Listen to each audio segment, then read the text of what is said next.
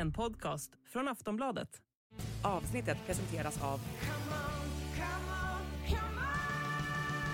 Stödlinjen.se, åldersgräns 18 år. In the supermarket, you have eggs class 1, class 2, class 3. And some are more expensive than others, and some give you better omelets. That's the wrong information. Wrong, wrong, wrong information. I didn't say that. That's the wrong information. Do you think I'm an idiot? Wrong, wrong, wrong information. Now look at me when I talk to you. Your job is to tell the truth. Sillypodden måndagen den 28 augusti. Vi har eh, några dagar kvar bara av det här sommarfönstret. Eh, om vi inte då räknar in det saudiska som håller på några veckor till. Det kommer vi säkert få göra för att eh, det i många fall kommer känslan vara att det inte är över förrän den eh, tjocka damen har sjungit. Eh, när det kommer till till exempel Mohamed Salah. Eh, säkert någon till eh, stor stjärna från Europa som kan tänkas lockas iväg även efter att fönstret har stängt. Vi får se. Eh, en som har jagats utav Saudi den här sommaren som inte har velat gå dit är Romelu Lukaku. Vi har pratat mycket om honom. Lite besviken över att eh, det här inte drar hela vägen till eh, fredag, Makoto. Jag också. Och jag ville se fler oväntade aktörer med i sammanhanget. Med det sagt, jag vet jag pratade med en eh, god vän tillika Roma-supporter här nyligen som också var så här, skrev, men det här är ju faktiskt på väg att hända. Alltså för att i liksom Roma-kretsar har man ju varit men nej, Lukaku också. För Dybala förra sommaren, absolut, wow. Man kan inte lösa Lukaku med liksom, hur mycket tur kan man ha med Romas plånbok och status. Jo då, Romelu Lukaku verkar vara på väg till Roma. De förhandlingarna mellan Roma och Chelsea verkar fortskrida ganska väl. Och det som har möjliggjort att de här förhandlingarna då är aktuella är ju att Romelu återigen har vänt kappan. För nu vill han inte till Juventus något mer. De var ju på väg att faktiskt komma överens om någonting. De bara, nej, det har gått ut på tiden, jag vill inte till Juventus. Chelsea sitter bara, hopp. Vi ville ju sälja dig, men nu är vi väl tvungna att ta ett lån till och skjuta upp det här bedrövelsen ännu ett år och göra om hela den här processen om ett år igen. Hur många år har han kvar på det där kontraktet med Chelsea? Ja, vad skrev han? 20? Skrev han fem eller sex år? Är frågan. Ja, är det, alltså typ 2027 Första kanske? spelade han fotboll i Chelsea, eller jag spelar fotboll inom stationstecken. Mm. Andra var han i Inter och gjorde det han gjorde där och nu är det alltså tredje på gång. Så det är ju minst två år till efter det här som vi ska hantera Romelu Lukaku och hans framtid. Eh, nu var det ju, det logiska hade ju varit här att Inter hade köpt loss honom, Inter var redo att göra det, men ja, ni, ni kan storyn. Lukaku svarade inte i telefon, Ausilio sa dra åt helvete och sen blev det inte mer än så. Eh, Juventus sa fansen dra åt helvete, mer eller mindre. Lukaku bestämde sig för att inte gå dit. Roma därför han återförenade med José Mourinho. Eh, med tanke på hur Lukaku såg ut i United vet jag inte nödvändigtvis om det är något positivt. Men jag tror att han kommer ju absolut kunna vara det är en drömvärvning för Romas del. Att få in den typen av forward, för det är just en bra forward de har Men är, ingen, letat det är efter. ingen köpobligation i det här. Jag tror inte ens det är någon option i det.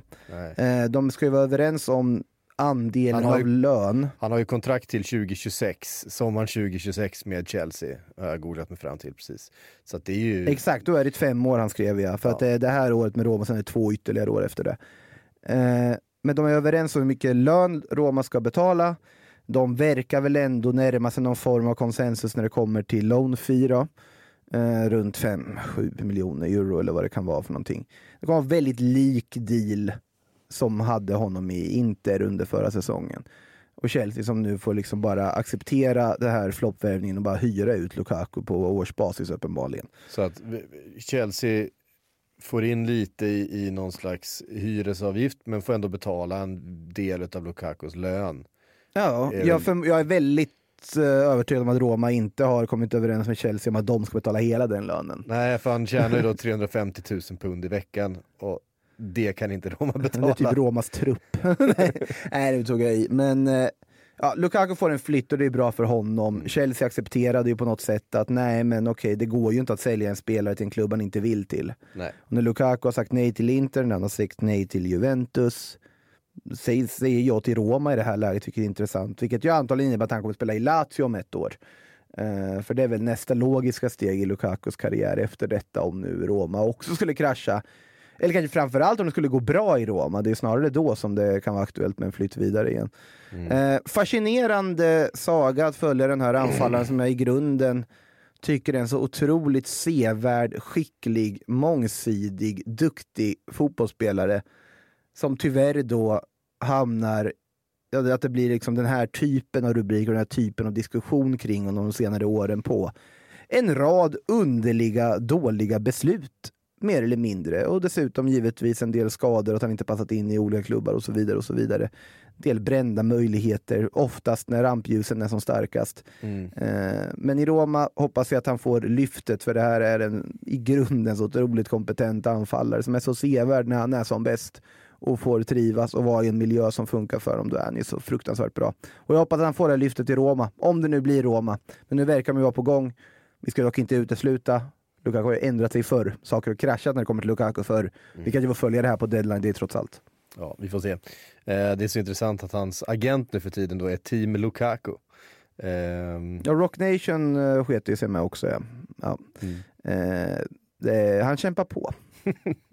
ja, det är, det är en sån fascinerande, fascinerande eh, person på Men de, de, sätt. de eh, flesta i den här fotbollsbranschen, de hade ju redan tagit pick och pack och dragit till Al Hilal och cashat in. Ja. Men det ska Men vill- Lukaku, han vill nej, inte men det. Lukaku ska ha för att han vill ha Ja, vad han exakt vill ha har väl ingen han riktigt spela, förstått. han vill ju spela fotboll, men det är också så här, han verkar ju inte vara... Ja. Nej, det, det, är- det är svårt är svårt att säga om. Eh, Kul för Roma, ja, kul verkligen. för Lukaku om den flytten blir av. Chelsea, ja ni får väl skjuta på det här beslutet och, och liksom våndas över den här övergången ytterligare ett år så kör vi samma resa igen om ett år tycker jag. Ja. Ehm, Manchester United har vänsterbackskris. Skada på Luke Shaw. Eh, och det var inte så att man hade världens djup. Malaysia också skadad, Ja, Malaysia. missar ju hela försäsongen och han kommer ju ha en startsträcka väl när han är tillbaka. Eh, och Luke Shaw, prognosen är ju inte bra, det är ju november någon gång. Mm. Det är flera månader. Eh, och just det var ju Dalot som fick kliva ut och spela på den positionen mot Nottingham här nu i helgen. Ja, och det är ju inte hans bästa position. Nej, det där är ju absolut inte. Och det, de har ju ingen... Ja, Van Bissaka kan man ju tänka att han var väl typ vänsterytter en gång i tiden. Han borde väl kunna hantera att spela vänsterkant också. Eh, så att eh, där finns det väl någonting. Men nej, de, man förstår att de tittar på en vänsterback just nu. Mm. Sen är det ju svårt att veta vilken hylla de ska titta på och vad de kan lägga på det med. Ja. Ja, men det finns ju ett alterna- antal alternativ som det har pratats om som de har tittat på. Eh, Rico Henry, Alonso, Cucurella, Region. Det är ju kanske inte spelare eller namn som får det att eh, kittla i magen på Manchester United-supportrar men menar, kan man lyckas låna in Cucurella till exempel så finns det ju så otrolig på, alltså, eh, potential i den värvningen. Jag menar, det är en jättefin fotbollsspelare i grunden. Mm. Sen att det misslyckades i Chelsea, i ett dysfunktionellt Chelsea ska man verkligen säga under förra säsongen som eh, ingen, ingen verkade riktigt veta vad det var som, vad som hände. Eh, det hade ju varit den bästa lösningen utav de här känner jag. Av- jag menar, Region kanske är precis vad Manchester United behöver. Liksom.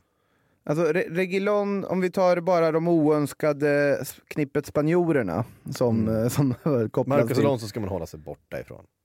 Är, Ja, jag, tycker väl inte att de ska gå för Marcos Alonso riktigt kanske. Jag tyckte inte Barcelona skulle ha förlängt med Marcos Alonso, det är en helt annan diskussion.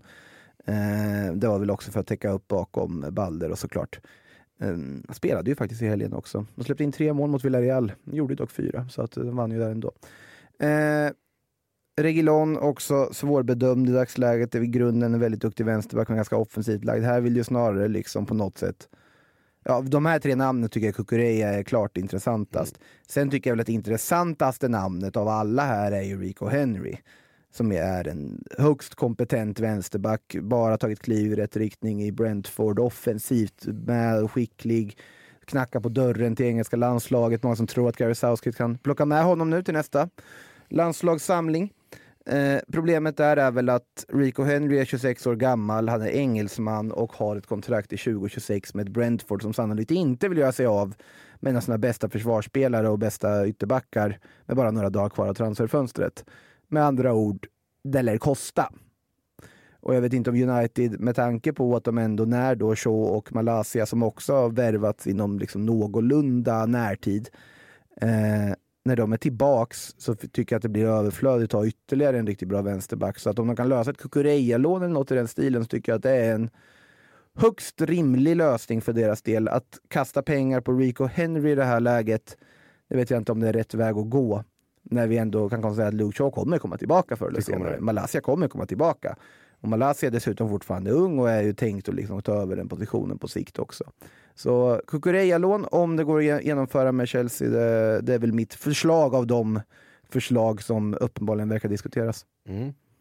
Ehm, mer Manchester United har ju försökt göra sig av med en del spelare som man inte riktigt lyckats med. Harry Maguire är en som var på väg till West Ham och det sket sig. Maguire vill ju inte lämna Manchester United. Han eh, vill stanna och slåss för sin plats, det han själv sagt. Jag tror att han vill stanna och slåss för sin lön ehm, också till en ganska stor, ganska stor utsträckning. Det med. var ju lite snack om att West Ham ändå inte hade gett upp helt och skulle får se. försöka ett varv till. Men det verkar som att det stängde, den dörren stängdes sen. Eh, jag kom också på att vi glömde ju faktiskt ta upp eh, Mavropanos till West Ham med, eh, med Frida när vi körde igång PL-podden här eh, tidigare under dagen. Eh, det får vi ta nästa vecka istället. Ehm, Men det var ja. inte Maguire och mittbackar i West Ham som vi skulle prata om här. Nej, utan det jag skulle till var ju då Scott McTominay. Eh, som också varit på väg till West Ham. Eh, det blev inget av det heller. Eh, de värvade James Ward-Prowse. Vi Vet inte om de kommer värva någonting mer centralt på det mittfältet.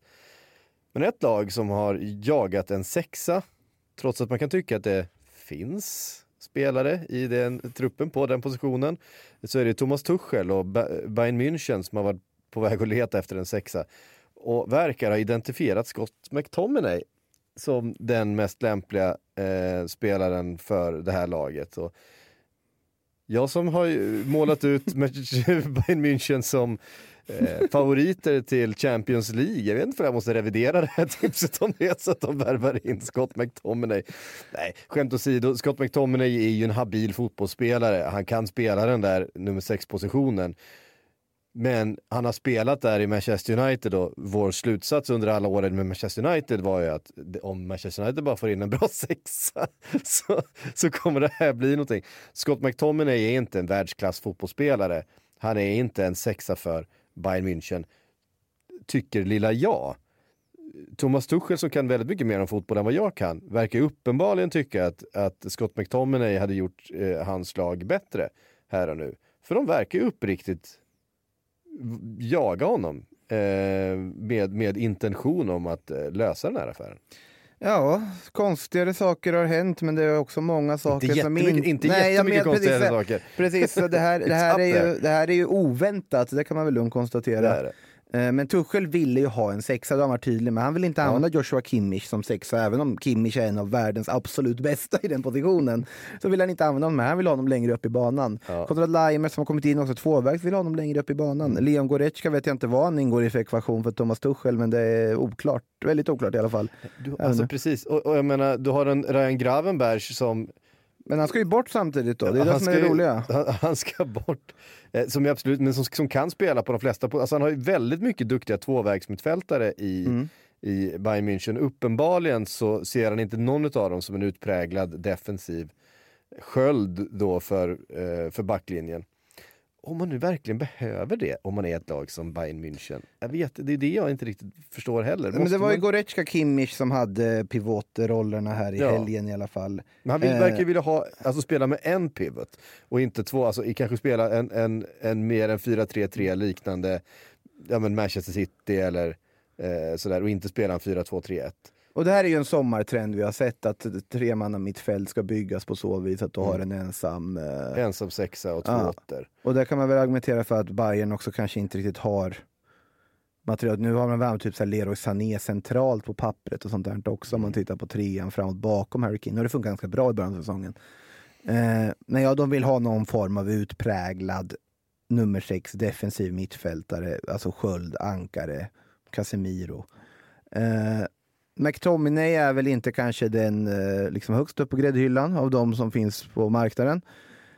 Men Tuchel har uppenbarligen sett någonting i det här läget. Och det, var, det roliga att snack var ju förut, liksom uppifrån ledningen i Bayern så sa de väl att nej men vi ska inte värva fler mittfältare, han har mittfältare. Det har inte varit liksom officiella ståndpunkten där, men de verkar ju ha vänt då och eh, nu och accepterat att Tuchel vill ha det här. Eh, och det som då diskuteras är att värva Scott McTominay från Manchester United. Manchester United är ju ute efter mittfältare oavsett. Men lär väl behöva göra någon form av försäljning för att liksom kunna värva. Och då kan man ju slå två flugor i en smäll i och med att United är en av de klubbarna som kopplas med Ryan Gravenberg som vars framtid i Bayern är oklar. Byte, lån, jag vet inte hur det skulle fungera men på ett eller annat vis flytta Ryan Gravenberg, ung lovande tvåvägs och komplett mittfältare på ett sätt, till Manchester. Flytta Scott McTominay, eh, skotsk eh, bollvirtuos, eh, till, eh, till Bayern München så får Harry Kane en brittisk eh, kompis också som man, som man kan prata med på träning och sånt. Det är väl trevligt? Eh, verkligen. Sen tror jag i visserligen att eh, Sofian Amrabat fortfarande är det som Manchester United helst vill ha in där. Men nu har det kommit konkurrens om Amrabat i form av Napoli. Eh, som ska vara intresserade Mm. utav och det kan ju vara dåliga nyheter för vår Jens Kajust. Det låter ju oroväckande om de ser ett behov av att värva Sofian Amrabat två omgångar in på säsongen. Ja, precis. Han hade ju ingen bra debut. Eh, Sen var ju Sambo Anguissa tillbaka i startelvan nästa match och Kajusti gjorde väl ett sent inhopp här nu för, Mm. för Napoli i helgen. Eh, Men eh, sen är ju inte det här, eller Kajust är ju värvad i Angissas roll som en vice sambo. Mm. Eh, och det finns mycket tråkigare saker man kan vara än en vice sambo. eh, skulle jag säga. Och det, det är ett fint renommé att vara en vice sambo. Mm. Men, eh, men i det här fallet, alltså Amrabat skulle kunna gå in på någon annan position. Det var ju lite surr om Zelinskis framtid där och det. annat också. Eh, och såklart att för Napolis del såklart det var en jättebra värvning att få in Sofian Amrabat. Atletico Madrid har väl inte helt släppt heller än. De dyker upp där ibland i eh, ryktesfloran i alla fall. Eh, Jag hade Det sett... ryktades ju väldigt starkt i vintras också. Jag skulle se mycket logik i eh, Atletico Madrid och Sofian Amrabat. Där är ju dock Atletico Madrid vill ha in under slutspurten av det här fönstret som de verkligen borde pusha för och borde vara i bra läge för att göra det. Det är ju Pierre-Emil Höjbjerg. Ja. Och Höjbjerg under Simeone, plötsligt skulle han ju säkert bli en av världens bästa sexor typ. Eh, Jag tror att han skulle kunna vara kanon för dem, men det är en annan, annan, annan diskussion. Eh, Men ja, vem vet? Kanske hade funkat jättebra. Jag tycker McTominay eh, får lite oförtjänt med kritik. Ganska, och tycker han som sagt är en habil fotbollsspelare. Jo men det är han. Han är inte... Eh, eh, poängen är att jag ser inte hur Scott McTominay gör Bayern München bättre här och nu. Eh, Ser du hur Oriol Romeo gör Barcelona bättre? Ja, alltså... För det, det är lite samma Ja, diskussion precis. där. Eller Wataru Endo i Liverpool. Ja. Eh, för det är nog många som har sagt Men jag tycker ju inte Varför att Bayerns, Bayern är i samma behov av den. Nej, exakt. Skölden. Exakt. Jag menar Liverpool har ju sen Klopp kom in i stort sett spelat med en pivot. Alltså har ju inte spelat med en double pivot. Alltså, eh, och, sen, och nu lämnade Fabinho, då står man, vad ska vi Mm. göra? Vi måste ha in någonting. Ja, vad finns det på marknaden? Okej, Chelsea har köpt alla de bra. Då får vi ta, dem, ta, ta en halv bra. Alla de lovande åtminstone har de köpt. Eh, säga. Ehm, ja, och sen så har vi en ung talang som vi tror på på den där positionen. Så vi tar in någonting som kan funka, som kan plåstra lite silvertejp eh, under den här säsongen och på den där positionen i form av Wataru Endo som inte kostar så mycket. Okej, då, då, då löser vi det så. Eh, lite så kanske Barcelona känner ehm, eh, också runt sin defensiva mittfältare, alltså Romeo. Ehm, Får inte du lite Owen Hargreaves-vibbar? Av detta? Alltså det är som att mina knän går sönder varje gång jag hör det namnet. Ehm, ja, kanske. Men jag får så här, ska man säga? Eh, jag vet inte riktigt, men eh, det, det är i alla fall förvånande med eh, Scott McTominay till Bayern München. För man, just för att man kände att Bayern München var i ett skede där de hade något sånt så otroligt spännande. Och jag vet inte, men eh, McTominay är ju många saker, men så jävla spännande vet jag inte ifall jag tycker att han är. Mm. Nej, Skitsamma. men, eh, vi får se. Alltså, jag Mm. tycker som sagt att grejen är ofta för ett lag som blir bättre av att få in den typen av spelare. Eh, om man tar till exempel Barca och Oriol Romeo så hade de en mittfält med så här Frenkie de Jong, Gündogan, Pedri, Gavi. Det här är inga duellspelare. Och Frenkie de Jong kan ju ta en duell men det är inte liksom den. Alltså Nej. nu är det Bräckan. Nej.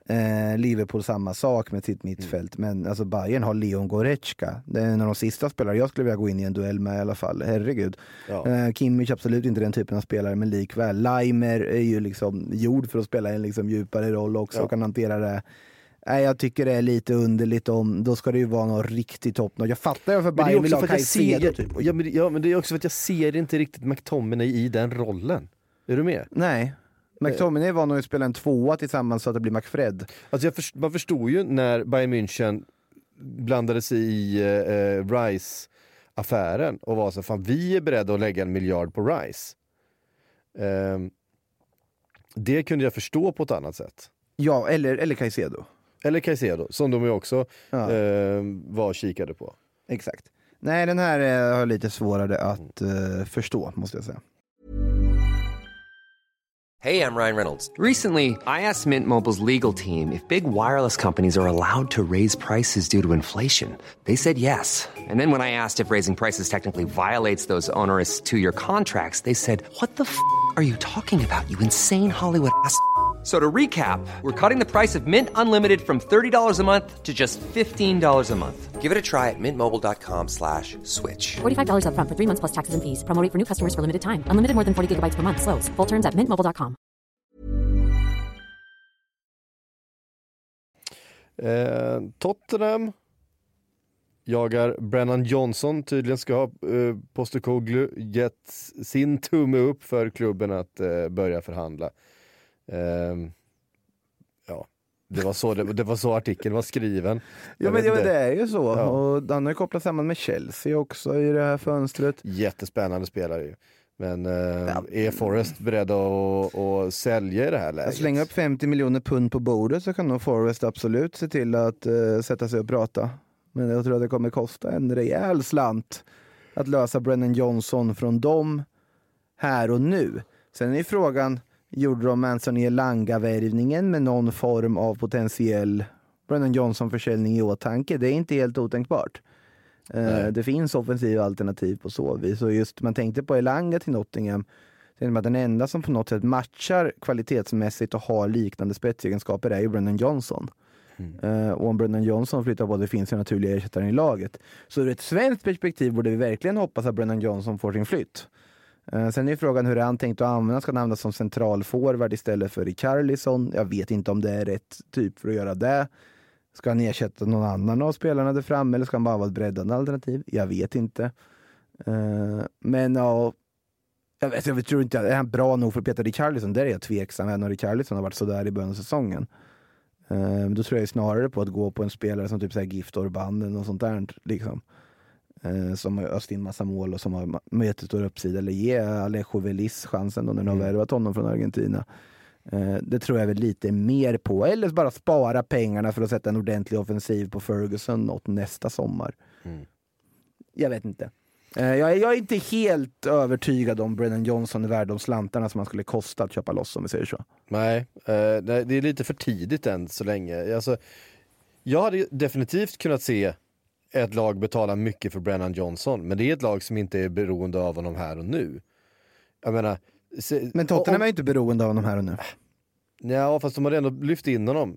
Eh, Mm. hade, hade Manchester City köpt Brennan Johnson för eh, 40-50 miljoner pund, lånat ut honom resten av säsongen till, till Forest, låtit honom du vet, utvecklas en säsong till där. Mm. Sen bara du vet, ja, men nästa försäsong så kommer han in, då har han en hel säsong till i kroppen, han har blivit lite större och starkare eh, och så vidare. Mm. Det hade man kunnat se, för potentialen är ju det, verkligen där. Ehm, vi tar oss vidare till City då, som ju jagar Matteus Nunez. Mm. Eh, många som ska ha centrala mittfältare, men de behöver väl ersätta Gündogan fortfarande. Ah, De har ju tagit in Kovacic vis- visserligen. Ja, men det finns väl också en... Ja, det är en bra tanke. Det är ju att Kevin De Bruyne är skadad. Är det som har mycket i det att göra tror jag. Mm. Eh, och sen, eller också att Kevin De Bruyne har kommit i åren. Mm. Och där är väl skönt för City att de är ju på en mittfältsmarknad som inte är lika mycket efterfrågan i. Mm. Det vill säga offensivare mittfältare. Därför de ganska ostört kan bid, det, bedriva sin Paketa-jakt som slutade med eh, att de drog sig ur dem med, eh, efter de här liksom misstankarna kring eh, ja, Matchfixning. o, o, ovanligt många bets från Paketa Island dök upp, som ju stället heter där Paketa kommer ifrån, vilket jag tycker är väldigt roligt. Eh, men sen Matteus Nunes, alltså mer offensivt lagd, alltså dribblingsskicklig bolltransportör, känns logisk som en spelare som skulle kunna verkligen växa under Pep Guardiola och verkligen hitta rätt där. Eh, och Wolves ska vara, är ju fascinerande att han fortfarande har så mycket intresse på sig sett till att han egentligen inte gjort särskilt mycket i Wolves Nej. på det här sättet. Liverpool kopplas samman, men nu har Liverpool lite andra mittfältsnamn i eh, prio, liksom kanske lite mer defensiv prägel. Matteus Nunes har väl absolut en defensiv eh, egenskaper också, men är ju en offensivare lagd tvåvägs, vill väl jag beskriva honom som. Jag tror att om Ehm. Liverpool hade värvat honom så hade det varit eh, på den där eh, eh, McAllister eller, Tom, eller, eller Soboslaj, Ja, liksom precis. eh, posten. Mm. Man säger så. Ehm, definitivt. Nej men alltså Mattias Nunez har definitivt sina fördelar. Han är en eh, jätteduktig fotbollsspelare. Mm. Eh, sen är det ju svårt med en spelare att, ja, men, som har fungerat på ett visst sätt i en viss miljö, där miljön kanske inte har varit den, den, den mest optimala. Mm. Ehm, för det är ju det, många av de här spelarna som har kommit in, som man har undrat lite grann sådär, och kommit in och varit jätteduktiga. Ehm, där har man ju sett någonting annat, där har man sett specifika egenskaper, att just de här egenskaperna på den här, i det här systemet, i den här gruppen, eh, jag menar, att få in en spelare som eh, kompletterar en Phil Foden till exempel, man känner att ja men Phil Foden är vet, på, på gränsen att Mm. bli nästa eh, Kevin De Bruyne Ja. här, men det behövs en sån här, det behövs den här egenskapen bredvid honom, vi har inte riktigt den här egenskapen i truppen nu, ja men då kan det vara värt att investera i det. Eh, Och det är sånt City kan göra. Ja det är sånt som City kan Ja. göra. Eh, Doku till exempel här nu, han eh, Mm. spelade inte en minut även fast han var spelklar och satt på bänken där mot eh, Sheff- Sheffield United. Eh, lär ju få mycket mer speltid på sikt givetvis och ställa till det för alla som eh, har FPL-lag och så vidare framöver när man inte vet vem som ska starta när och hur. Ja, det, det, var- väntar vi oss. Det var ju alla som hade köpt in Phil Foden efter de två första matcherna här, har spelat så jävla bra, man känner fan han är i boxen, han kommer göra mål, eller han kommer göra Nu poäng varenda match, det, då, är det ja. bara, då är det bara rätt ut på bänken. Får lite Ja, korta det- inhoppet men fick ändå assistpoäng. Pep, Ja, nej. Äh, otroligt. Nej men såklart, ja, som de värvar Nunes där och då är de klara. Och då behöver de inte tänka så mycket mer. Nu blir Bernardo Silva kvar dessutom. Men det kan också finnas en sån tanke, Bernardo Silva, hur länge blir han kvar? Vem vet? Det verkar finnas en klausul där. Så att. Verkligen. Eh, Milan fortsätter jaga Mehdi Taremi. Eh, och Det gör de ju rätt i, tycker jag. ja, verkligen. Eh, ja men det är väl att de vill ha ett alternativ till Olivier Giroud Ja. eh, på topp. Och sen har de ju gjort överlag ett väldigt bra fönster och sett väldigt bra ut tycker jag under början av säsongen också. Pulisic har kommit in i det väldigt fort, redan börjat göra poäng.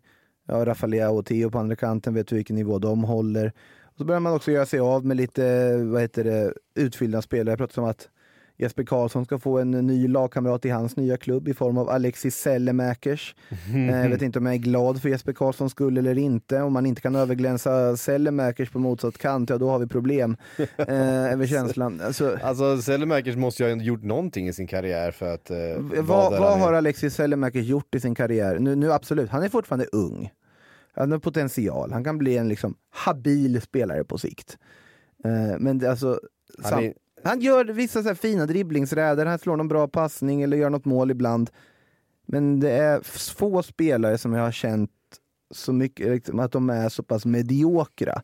Han är inte riktigt bra, han är inte riktigt dålig, han finns där bara på kanten och, och springer runt och gör sina grejer. Och mm, oftast ganska så här, mi- missar något i sista tredjedelen ibland. Och, och där har ju verkligen Milan åtgärdat på att Pulisic har kommit in och ser bra ut. De har fått in Chukweset, Chukwueze som jag tycker är en fantastisk värvning. Milan har gjort ett superfönster. Jonas Mosas in och precis såg jättespännande ut också. Eh, men eh, att ha en vice Giro eller ett alternativ till Giro där på topp eller kanske till och med en ersättare till Giro. Att ta då en spelare som Taremi, absolut, han har kommit något i åren, men det här är en spelare som har kast, alltså öst in mål på löpande band i Porto. Har ett jättebra track record, skulle kunna funka väldigt bra i Milan och det är framförallt en hylla som Milan kan handla från utan att de sätter i allt för stora ekonomiska bekymmer. Så att nej, jag är helt för att få stöga Taremi för eh, Milans del i alla fall. Mm.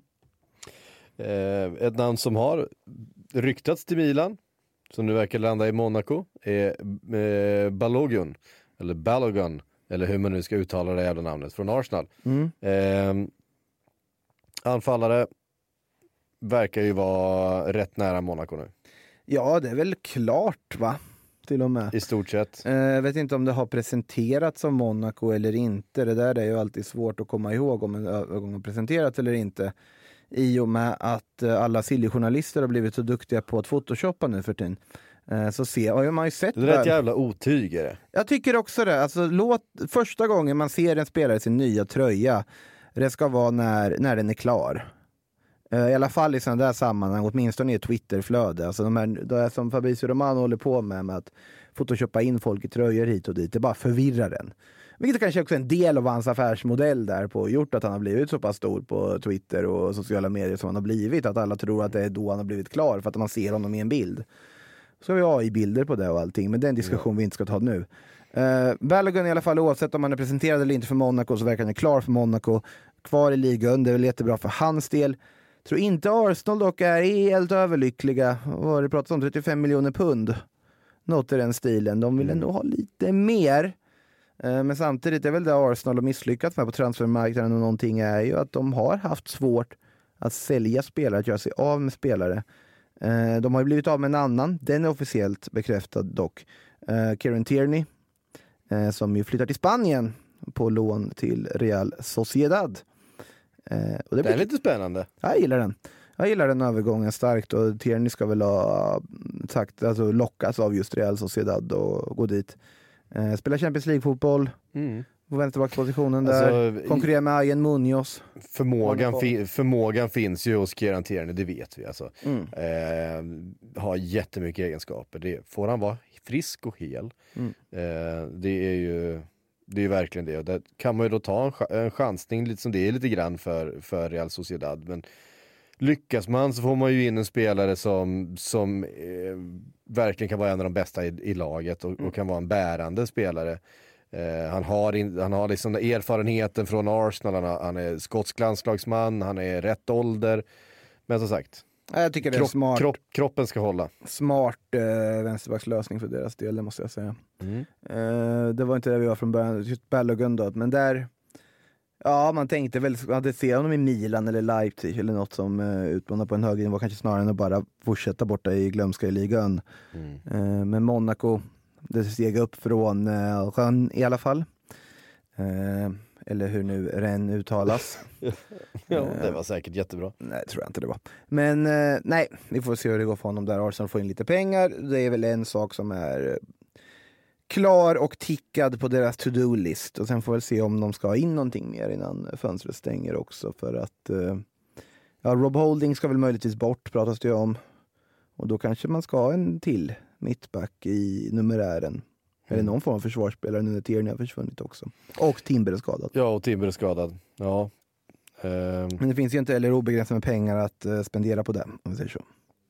nej, de har lagt en del pengar den här sommaren redan. Det har de. Ehm, Värvningarna de har gjort har inte varit så många, men de har varit dyra. Ja, verkligen. Brighton kommer ju värva en, en fin ersättare till Caicedo. Det har vi pratat om redan innan. Att, eh, det är klart att eh, Carlos Baleba kommer komma in och vara eh, fem plus. Ja, såklart det kommer vara. Ja, det är så det funkar. i- Hämtad det- från Lille där han väl knackade på startelvedörren förra säsongen och fått spela här i början av säsongen också. Eh, framtidsvärvning, det är ju det. Där. Eh, och han kommer säkert vara fantastisk i sin eh, nya roll i Brighton. Den ska väl vara klar, inte presenterad än väl, tror jag. Eh, men eh, 19-årige Baleba lär bli en Brighton-spelare. Eh, pa- pa. vi har några officiella som vi kan gå igenom. Eh, förutom då eh, Tierney så har vi eh, Mohamed Kudus klar för eh, West Ham. Eh, vi, pratade, vi nämnde det i Premier League-podden förut idag. Känns som en sportchefsvärvning, inte en eh, tränarvärvning. Eh, men vi får väl se vad, vad David Moyes vet om, om Mohamed Kudus när han kommer in. Men det, det känns som det finns en position kanske till vänster i det där anfallet eller i, eh, på det där mittfältet där han skulle kunna, ja det är ju en det är en, det är en väldigt offensiv mittfältare, liksom eh, kreativ, bra en mot en, lite spretig. Allround. Ja, Han är men- väldigt så här, säregen typ av spelare, vilket ju alltid, alltid är spännande. Ja. Eh, Med spelare som kan användas på många olika positioner och har ganska unika egenskaper för att spela på de positionerna. För det har ju Mohamed Kudus tycker jag. Eh, Jag hade ju velat se vad De Cherby hade kunnat göra med honom i Brighton, för det var ju snack om Brighton tidigare. Verkligen. Eh, Det känns som att det finns mer liksom outforskad potential som kan uppfyllas om De Cherbi får fria tyglar att liksom maximera Mohamed Kudos Det hade varit väldigt spännande. Att se David Moyes maximera Mohamed Kudos kanske inte kommer vara lika alltså, befriande och eh, ja, inspirerande på samma sätt. Men jag tror fortfarande att han kommer vara en väldigt bra fotbollsspelare för, för West Ham och kan ta kliv framåt. Tycker jag är en jättebra värvning för deras del. Mm. Eh, Alexis Sanchez till Inter. Alltså, det finns en sak jag inte förstår här i, i hela den här Alexis Sanchez-soppan. För det har ju varit mycket snack om nu när han skulle lämna Marseille, där han faktiskt var bra. Viktor poängterar, han var väldigt bra i Marseille. Han fick lite av en renässans i Marseille och lite lyft igen. Var, varför kunde han inte bara vara kvar i Marseille och fortsätta på det här? Eh, Dimitri Payet drog ju till Brasilien, det är en sak. Men liksom att varför kan han inte bara vara kvar där och fortsätta i en klubb där han faktiskt eh, liksom börjar hitta sig själv igen? Nej, då ryktas det direkt om att han ska dra. Det var ju till och med lösa rykten om en återkomst till Barcelona tidigare den här sommaren. Eh, och det är en massa andra klubbar på tapeten. Man tänkte, men hur ska det här gå? Och sen slutar det alltså med att Inter bara tar tillbaks honom i det här läget. Eh, och då blir det väldigt spännande. Får Inter nu samma Alexis Sanchez som de gjorde sig av med för ett år sedan? Eller får de Marseille Alexis Sanchez? Om de får Marseille Alexis Sanchez, då har de fått något väldigt bra och då är det bara att lyfta på hatten för Inter. Om de har fått förra Inter Alexis Sanchez, ja då kommer vi få se något fint mål i någon cupsemi eller cupfinal någon gång. Vi kommer få se att han avgör någon match hit och dit, men vi kommer inte få se mycket mer än så. Eh, och det blir väldigt spännande att se vilken Alexis Sanchez där de har värvat tillbaka. Eh, sen var det väl inte aktuellt med hans hundar att dra till Saudiarabien för hans del antar jag, så då vart väl liksom alternativen begränsade då för en, för en äldre chilensk herre som Alexis. Men eh, nej, det blir kul att se vad han kan göra när han är tillbaka här i Inter. Eh, jag vet inte om eh, vår vän Babylona håller med här, men eh, jag tycker det är lite spännande. Ja, äh, ja. Nej, jag tycker det känns lite trött om jag ska vara ärlig. Ja, såklart, det, är ju- alltså, men det, det, alltså, jag gillar Alexis Sanchez, det är väl Ja. det jag också. Ja. Eh, Serdar Asmoun på lån eh, till Roma. Eh, blir då eventuellt lagkamrat med Lukaku. Ja, Asmoun är ju också en sån här spelare man tycker om, eh, inte bara för, som fotbollsspelare utan också som liksom, eh, karaktär. Han var väl en av dem som eh, ja, visade vägen där när det var väldigt mycket snack kring det iranska landslaget under VM av förklarliga skäl och eh, ja, tog parti med folket var ju det Serdar Asmon gjorde i alla fall i den situationen. Sen är det ju otroligt komplext alltihop så det ska vi inte gå in på närmare. Men just eh, karaktären Serdar Asmon tror jag väl eh, kan göra det bra i Roma. Det känns som en klassisk Roma-värvning på något vis. Sen får vi se hur mycket speltid han kommer ha och sånt om Lukaku ska in i den här mixen också. Men eh, ja, i samma kategori för Roma, ett fönster där de gör vissa värvningar som känns som garanterad succé. Och då tänker jag på Evan Ndicka och jag tänker på Leandro Paredes. Och så vissa värvningar som är lite mer av chansningar där man vet potentialen som de kan hitta om de har tur. Eh, Men där potentialen mycket väl också kan bli helt eh, ja, ouppnådd. Typ eh, Renato Sanchez som redan dragit på sin första muskelskada och eh, José Mawar som jag vet inte, blev omsprungen av andra unga fransmän i Lyon och aldrig fick den här stora flytten utan slutade med fri transferflytt till Rom istället. Eh, när Caqueret och andra gick, gick om honom. Eh, men eh, nej, och Asmon ingår väl egentligen då i den senare kategorin av något av chansningar. Men det är ändå en spännande, intressant chansning. Lite trött värvning såklart också. Men det, men det, det också beror på liksom, vad ska man vänta sig av Serie A-klubbarna i dagsläget också. Nej, även de jobbar ju i, i lite motlut hela tiden. Eh, på Jag tycker. Taremi-värvningen, alltså om vi bara tar iranska Mm. anfallare vi kan namnet på, så då är Taremi-värvningen piggare än Asmon-värvningen. Sen har ju Milan en annan attraktionskraft än vad Roma har sett till vad de har erbjudit såklart. Eh, vi, eh, vi kliver på med lite frågor här. Vi har fått eh, undringar om Mohamed Salah bland annat. Mm. Det kommer nya uppgifter. Eh, alltså, Liverpool har ju varit rätt tydliga. Eh, Jürgen Klopp fick frågan igår efter matchen mot Newcastle. Eh, där eh, intervjuaren då sa, ja de här ryktena verkar inte dö ut. Och då sa Klopp, eller det här verkar inte över, sa eh, Mm. journalisten och då sa han, "Well, det är över för mig. Eh, alltså Klopp verkar inte Eh, ens underhålla tanken på att eh, Mohamed Salah skulle lämna i det här fönstret. Eh, han sa samma sak, eh, inte till salu, vi är inte intresserade av någonting sånt på presskonferens i fredags. Samtidigt så kommer det hela tiden väldigt trovärdiga uppgifter om att det är ett bud på gång. Eh, det ska pratas om 1, ja, eh, 150 miljoner euro då va. Eh, varav 100 miljoner euro ska vara upfront och eh, övriga 50 miljoner ska vara inte helt jätt, liksom, lättuppnåeliga klausuler. Ehm, utan det ska väl röra sig om en miljard och det kommer de ju aldrig släppa eh, Mohamed Salah för i det här, eh, här läget. Han har två år kvar på sitt kontrakt. Eh, Salah själv har, vad man har förstått hittills, sagt att ja, han är öppen för flytten men han kommer respektera Liverpools beslut. Ehm, jag kan inte se Mohamed Salah strejka, bråka, han är inte den typen. Ehm, han, han känner också väldigt mycket kärlek till den här klubben och till supportrarna. Och han har varit väldigt, väldigt, eh, han har trivts väldigt bra i Liverpool. Det har ju varit, det har han varit väldigt öppen med och det, även hans agent har ju varit väldigt så tydlig med att eh, jag menar, för några veckor sedan så var det nej, nej, nej, Salah ska absolut ingenstans den här sommaren. Han vet också att det där anbudet finns om ett år med. Ja, det gör ju det. Och där tror jag att Liverpool är mycket mer öppna. Att till, till, nästa, på- till nästa sommar nästa- tror jag absolut. He's gone Ja, då. det- det Alltså, tror jag det tror jag också. Ja. Ja, men alltså, vi ska komma ihåg att Mohamed Salah är den i särklass mest populära arabiska fotbollsspelaren genom alla tider. Eh, han är den bästa arabiska fotbollsspelaren genom alla tider. Eh, den mest profilerade och så vidare. Att eh, han skulle spela någon annanstans i Saudiarabien med tanke med, på vad det är de bygger där eh, i sin karriär.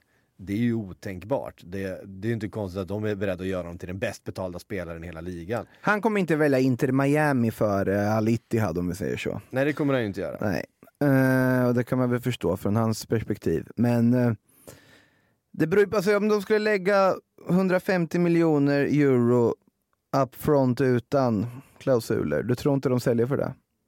Jag du tror tror inte att FSG är så pass styrda av vad en vettig investering och försäljning är, att de tar ett sånt bud om det kommer och går uppifrån och bara säger nej, vi tar det. här." Inte, inte, inte utanför eh, det egna fönstret, alltså så att man har möjlighet att själva investera eh, de pengarna tillbaks. Du tror att de inte är redo att vänta ett halvår och göra det i vinterfönstret? Ja, det, är, det är möjligt att de gör om de känner att de då har chansen att ersätta eh, Salah. Jag menar, eh, som man gjorde med Coutinho ungefär. Då. Mm. Eh, det är väl den, det bästa exemplet vi har eh, i sådana fall. Alltså man, man sålde Coutinho eh, i januari eh, Mm. och värvade då in van Dijk samtidigt. Det var ju det är såklart inte en like for like eftersom det är helt olika spelare i olika positioner. Men man såg, man hade andra saker man ville göra. Det kanske är så att det inte är en like for like, for like Sala-ersättare som ska in där. Det kanske är så att man kan tänka sig att spela Darwin Nunez till höger. Eh, och att man har... Darwin Nunez två mål nu, Mm. de sänkte ju inte möjligheterna för att Salah drar. Jag tror inte de påverkar. eh, Nej, nej men de eh, sänkte inte möjligheterna. Nej, det, det gjorde de kanske inte. Men däremot så ser man ju definitivt att Liverpool är i behov kanske av en en världsklass mittback igen. Eh, Van Dijk har ju inte direkt haft en uppåt eh, kurva. Nu blev han ju kapten här inför den här säsongen och så vidare men har inte, inte sett ut som sin bästa själv. Eh, och om ett år eller två så kanske han behöver bytas ut. Matip är ju redan på väg ut. Man har köpt eh, en mittback sen, när då? Ja, på de senaste fyra säsongerna. Vadå, Konaté? Ja, det är Konaté som har köpts in sen, sen van Dijk kom. Eh, Ja, men det stämmer ju faktiskt, det är ju ingen annan mittback de har värvat sen dess. Nej. Ja, räknas inte, vad heter han, Davis? Ja, ja jo, ja, men det, det, var, det var ju några där som värvades in, alltså så här, eh, men, men det har inte kommit in en riktig, liksom, långs, ett, ett mittbacksprojekt. Mm. Det, det är som ett på vad de har fem år. Eh, där kommer det behöva värvas liksom ordentligt. Ehm, ja, Men så de här, verkar hur- ju vara ute man- efter Hin- Hinkapie. De verkar vara ute efter Hinkapi, det, är ju, men han kommer ju inte säljas nu. Leverkusen verkar säga nej till det just nu. Ja. Eh, så är det ju. Men det beror ju på vad de får för bud också under sista. Mm. För där finns det ju, det, det är en spelare jag skulle se många klubbar skulle må bra av att värva. Jag tycker att det går att argumentera för att Tottenham fortfarande behöver ytterligare mittback. Eh, det går att argumentera för att Arsenal behöver ytterligare om de ska spela på det här sättet de gör nu. Det går att argumentera för att Liverpool behöver en, absolut. Eh, United vill ju vissa ha en, jag tycker inte nödvändigtvis att de behöver det. Eh, som många andra. Chelsea har sett, City har sett, ja, ni fattar. Mm. Ja, nej, och... Um, um ja, vi får se helt enkelt. Det, det, jag, det, jag tänker snarare så här att det Liverpool skulle gjort då, det är typ att värva en Guardiol. Alltså en helt färdig världsklass mittback. Och om han hade funnits Så på som- marknaden 2024, vilket alla trodde han skulle göra, Ja. så hade säkert Liverpool varit där. Problemet var att. City agerade ganska smart, hade råd att göra det och såg behovet här och nu. Eh, och precis, han kan spela vänsterback, jag såg Guardiol och han är som framtagen i ett labb för att spela i det här systemet som Pep har byggt upp. Så Eh, jag tycker det är en eh, löjligt bra värvning av dem. Eh, precis just typen också, för han kommer ju vara fast där i tio år, den där backlinjen, minst. Det tror jag också. Eh, Jag tar en fråga från Emil Jonsson. Ska man tro på Ancelotti när han säger att fönstret är 100% stängt? Vinner borta minst en månad. Ja, det, är ett, eh, det är ett ruggigt anfall ni har nu i, i Real Madrid. Eh, ja, men Jude Bellingham har ju tydligen bestämt sig för att han ska ju försöka efterlikna Cristiano Ronaldo snarare än något annat när han har kommit hit. Så att eh, ur det här perspektivet, gjorde mål igen här nu mot Celta Vigo redan på tre ligamatcher uppe i samma antal mål som Eden Hazard gjorde på fyra säsonger i Real Madrid, bara en sån sak. Eh, det är makalöst, han har redan gjort lika många mål i La Liga som han gjorde i Championship för Birmingham. Eh, säger en del, ganska många fler matcher han spelade i Birmingham också, annan nivå ska vi också säga. Eh, Det är makalös start på säsongen från Jude Bellingham och det är han som på något sätt räddar upp alltihopa. Eh, alltså, Att Vinicius är borta skadad lär väl innebära att typ det är upp till bevis för en spelare som Brahim Diaz som säkert får mer chanser. Eller man flyttar upp Fede Valverde, Rodrigo ska utgå från vänster istället antar jag. José Lo får man väl spela mer. Eh, det är ju det man undrar är ju, kommer det där Kylian Mbappé-budet eller inte? Kommer de faktiskt försöka eller är det så? Om man känner Real Madrid rätt så skulle det mycket väl vara så att de faktiskt aldrig lägger ett bud. Att det bara kommer vara tyst. Och att det kommer bara sluta så här. Så kommer de spela så här den här säsongen. Mm. Men det är ganska osannolikt att tänka sig att det skulle vara så med. För något behöver de ju. Någonting mer tror jag att de behöver i det där anfallet. Sen får man flytta upp Kamavinga eller Valverde. De kommer säkert lösa det där galant. Och de har alla världens unga duktiga mittfältare samlade på ett ställe. Jag är lite förvånad om inte värva Caicedo också när de ändå bara var i farten. eh, men den var väl för dyr om vi säger så. Och inte så beprövad som de andra som de har värvat har varit. Eh, nej, det är fascinerande och som sagt Ancelotti sitter och säger ja vi har förlorat Vinicius, Karim Benzema och liksom, ersatt med José Lu och Brahim Diaz. Det är kanon. Eh, Det kommer gå jättebra det här. Mittbackfrågan absolut också alarmerande i det här läget eh, Ja. på alla sätt och vis.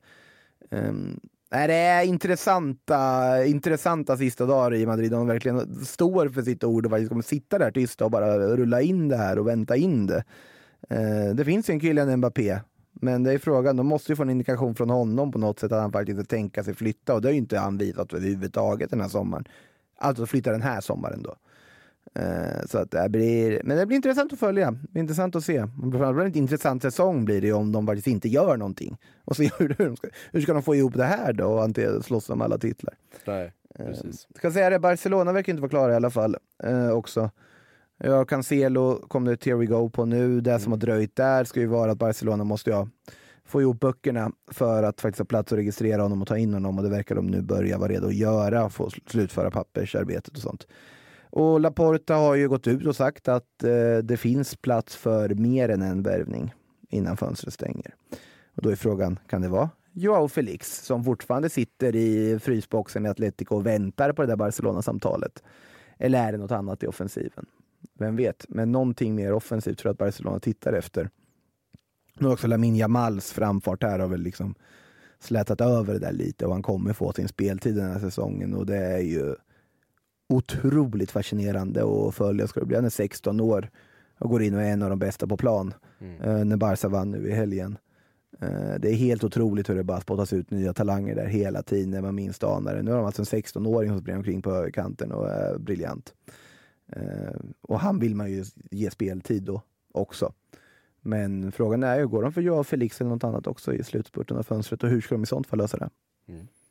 Vi får se Mm. helt enkelt. Eh, vi är inne i deadline day-vecka. Vi kommer spela in ett avsnitt till. Eh, det gör vi på torsdag och sen är det deadline day på Mm. fredag kväll. Eh, det är bara att hänga med hela vägen. Eh, från en väldigt syrefattig studio. Eh, Vi sitter i Boden, den andra Den så studion. kallade Boden. Eh, så vi, jag ber om ursäkt för olika gäspningar och sånt som har eh, skett under den här inspelningen. Men Ja, Det, det, det ont om kändes på det när vi tog upp Scott McTominay att liksom energin har tagit slut för det här efter det här fönstret på något sätt. Att det har gått lite för långt nu. Nu, nu, nu, nu, liksom, nu kan Jag inte jag inte liksom eh, relatera till det här någon mer. Jag orkar inte med energin. Varför ska Scott McTominay till Bayern München och vad gör jag här? Ja, det, är bara, det, det är bara att hänga med. Alltså känslan är att det, det, finns, det, det kommer hända galna saker eh, fortfarande de här dagarna som är kvar. Rätt som det är så säger de, ja, men okej ni får eh, 1,5 miljarder upfront Liverpool, så drar Salah och sen ska Liverpool ha tag på någon jävla ersättare och de, då köper de Joao Felix. Vi fick ju fråga om det också för det har kommit upp rykten om det att, att, att Liverpool ska vara intresserade av Joao Felix i händelse av att Salah försvinner. Eh, då, tror jag att, eh, då tror jag att jag lägger ner. Eh, men, Gillar du inte Joao? Nej, jag gillar inte. Jag tycker att det är en, en överskattad fotbollsspelare. Det är väl uppenbart vem Liverpool borde rikta blickarna mot ifall Salah försvinner, eller? Vad tänker du? Ja, givetvis. Kauru Mittoma. Kauro Mittoma, ja finare. Men nej, eh, det är lite för mycket mittfältare över honom. Tycker du det? Ja, det är... Tycker du det? Men jag, eh, jag säger att det är där de ska lägga blickarna om, om Salah skulle försvinna. Säg Jared Bowen. Ja, Gerald Bowen till Liverpool hade ju faktiskt passat och det har man ju känt länge att det skulle Han har ju göra. varit där och, varit där och nosat förut. Ja. Det målet han gjorde, om det är något, om det är någon, något mål han har gjort i hela sin karriär som har känts som Salah, det är det målet han gjorde i helgen. Alltså det var så- mottagningen mo- mo- Mottagningen och otrolig. petet, den här Nej, vänstern. Helt Det- otroligt. Det, det, det, det, bara, det, bara, det, det, var, det var verkligen så här Mohamed Salah-esk, för det är sånt han gör. Om man liksom. någonsin har sparkat en fotboll och vet hur en fotboll beter sig så förstår man hur fruktansvärt svårt det är att få den bollen och stanna på det sättet som Bowen får i det här Samtidigt som man läget. springer allt man kan. Är det är makalös mottagning alltså. Ja, vi får se. Jag tror Salah blir klar. Eh, och jag tror Jared Bowen blir kvar och jag tror att West Ham kommer bli bra. Jag tror Kauru Mittoma blir kvar också, ska Ja, läggas till. verkligen. Eh, hörde ni, tusen tack alla ni som har lyssnat. Vi hörs In snart igen. you have eggs class 1, class 2, class 3. And some are more expensive than others and some give you better omelets. That's the wrong information. Information. I didn't say that. Du har lyssnat på en podcast från Aftonbladet. Ansvarig utgivare är Lena K Samuelsson.